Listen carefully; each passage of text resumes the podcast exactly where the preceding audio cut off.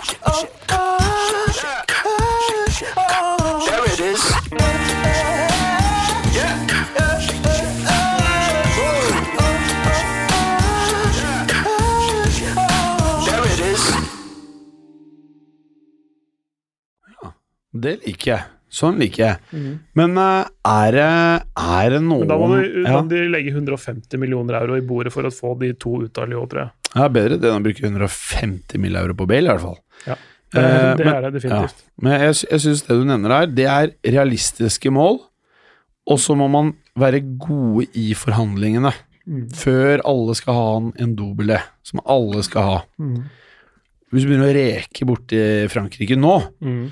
Du må ha vært litt på føleren nå, Mm. og så må du ha tatt skikkelige samtaler, sendt han derre Ole Gunnar Solskjær bort til Frankrike for å ha masse samtaler. Mm. Sende hjem til spillerne. Ja, masse biff, spise god biff. Eh, innbakt potet i sølvfolie. Rømme, rømme i poteten. Pass på at de koser seg. Mm. Kanskje ta en liten vannskuter ut på vannet der. Mm. Gjør noe hyggelig med han der. der. Mm. Så kanskje, kanskje får han inntrykk av at eh, du skal satse på han, at han kan bli en stjerne, og at han kan være en av de som er med og bygger opp et fremtidig storhetslag. Mm. Alle andre ting du måtte prøve å selge inn, Mm. blir feil. Mm. Vær ærlig på det. Ja. Vi skal bygge opp. Mm. Jeg skal kvitte meg med alle sånne superstjerner. Så Mm. for å lyve en liten sånn hvit løgn da, om at eh, det er du som bestemmer at Pogba skal dra. Mm. Men eh, bruk det til din fordel, Mm.